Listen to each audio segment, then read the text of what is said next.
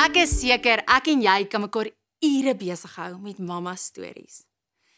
Stories van swanger wees, stories van mamma uitleef in ons alledaagse lewe, stories wat ons laat lag tot ons lê, stories wat ons miskien laat gaan laat huil. Stories wat ons aanmoedig in mekaar se tekortkominge, maar stories wat ons ook help om mekaar te herinner dat ons ons mamma krone regop moet sit. Want sien, mamma wees is die grootste geskenk wat vir my en jou gegee is, maar ook die grootste uitdaging wat daar is. Dis 'n aanhou leer, aanhou probeer, aanhou vorentoe kyk en dis weer en weer en weer. Van die oomblik wat hulle daai babietjie uit ons lyf uithaal, is dit jou hart wat buite jou lyf beweeg vir die res van jou lewe. Ons hou nooit op bekommer nie. Ons hou nooit op droom, bid en dink oor daai lewetjie wat Jesus vir ons gegee het nie. So ek kan onthou, 3 dae voor skaai gekom het, het ons geweet sy gaan vroeg kom, sy gaan prematuur wees as gevolg van swangerskapkomplikasies. Ons het begin bid dat sy gesond is en alles, maar jy weet mos hoe hormonaal is 'n mens. So mense het vreemde drome hier voor die einde en ek droom toe dat Jesus vir my hierdie klein klein klein babietjie gee. Maar in my droom is al lyfie vir my baie moeilik om mee te werk. So ek begin stadig al koppie af te draai en te soek vir 'n groter lyfie. 'n Verskriklike droom. 3 dae later is Sky gebore en onder baie medikasie sê ek kliphard aanhoudend, moenie haar koppie afdraai nie. Moenie haar koppie afdraai nie. Moenie haar koppie afdraai nie. My arme man, 'n eerste keer pappa, sy oë is so groot, ge, so gereserveerd soos wat hy is, probeer hy my net stil maak. Hulle gaan hom by ons vat. Moenie sê jy gaan die kind se kop afdraai nie. Toe ek later by my volle positiewe is, lê hierdie klein, perfekte lyfie op my bors. Ek het nog nooit enige iets so mooi gesien nie. Ek het nog nooit enige iets so perfek gesien nie. Die perfekte handjies, die perfekte voetjies, die perfekte beentjies, alles so delikaat en perfek aan mekaar gesit. Haar mondjie, haar neusie, haar oogies, haar haartjies, alles. Dit was asof Jesus haar so geskilder en ek weet elke mamma dink haar baba is die mooiste. Maar op daai oomblik was my baba die heel mooiste en ek het drie goed op daai oomblik besef. Niemand sal haar ooit so lief kan hê soos wat ek haar het nie. Die tweede ding was ek gekonfronteer met die feit dat hierdie groot liefde wat haar net wil beskerm en haar wil vashou en die beste vir haar wil hê, is soveel groter as die potensiaal wat ek gevoel het om eh, wat in my was om haar mamma te wees. En die derde ding het ek besef alles wat ek gevoel het ek nie in die verlede gekry het uit uit uit my ouers uit nie of dit wat ek gedroom het of gedink het, het ek die die oomblik vasgevang om te weet ek kan probeer om dit vir haar te gee. Ek kan probeer om die mamma te wees wat wat wat wat ek graag wil wees. So hierdie drie konsepte was ver uit mekaar uit, maar tog so naby aan mekaar, want dis hierdie oorweldigende liefde, maar dis hierdie hierdie amper wil ek sê asof skuld dadelike plek om kry het in mamma wees, dat my potensiaal nie groot genoeg is nie en dan dat ek vir alles wil gee moontlik wat wat in my vermoë is, my heel heel heel beste.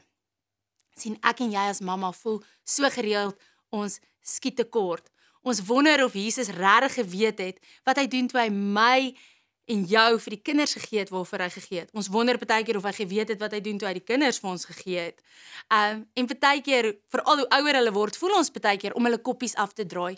Maar ek wil jou vandag bemoedig en ek wil jou aanmoedig deur vir jou te sê deel van jou mamma DNA is dat Jesus jou in staat gestel het om die perfekte mamma te wees vir hierdie kinders. En met perfek sê ek nie jy gaan alles perfek doen nie met perfek sê ek dat Jesus kom in sy woord en hy praat oor hoe hy hierdie babietjie in die moederskoot aan mekaar weef.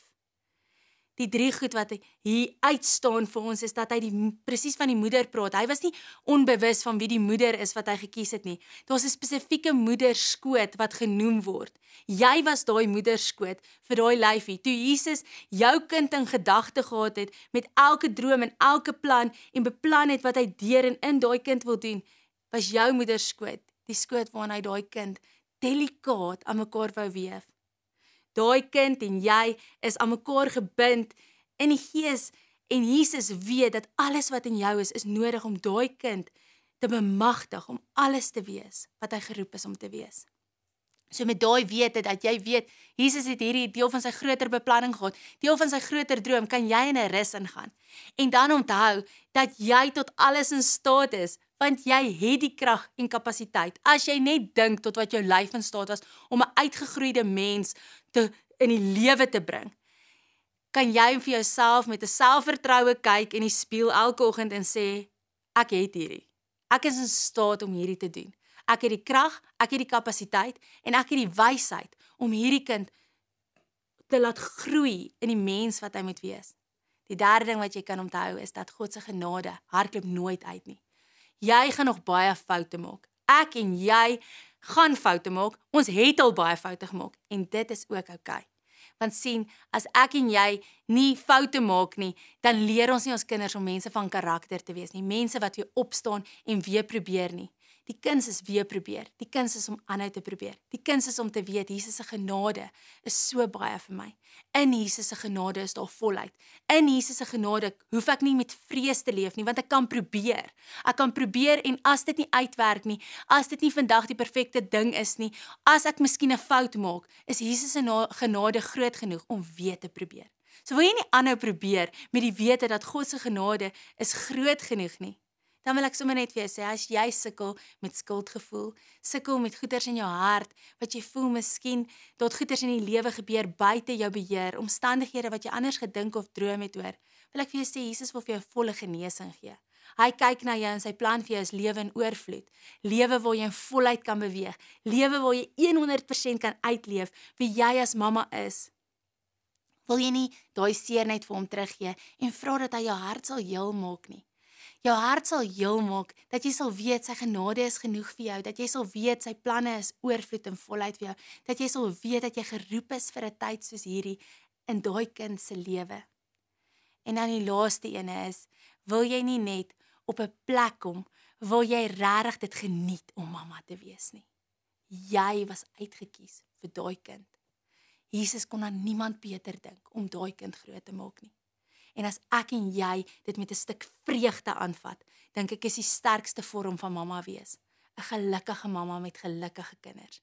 Wil jy nie elke dag opstaan en sê, hierdie is my voorreg om hierdie kinders groot te maak nie.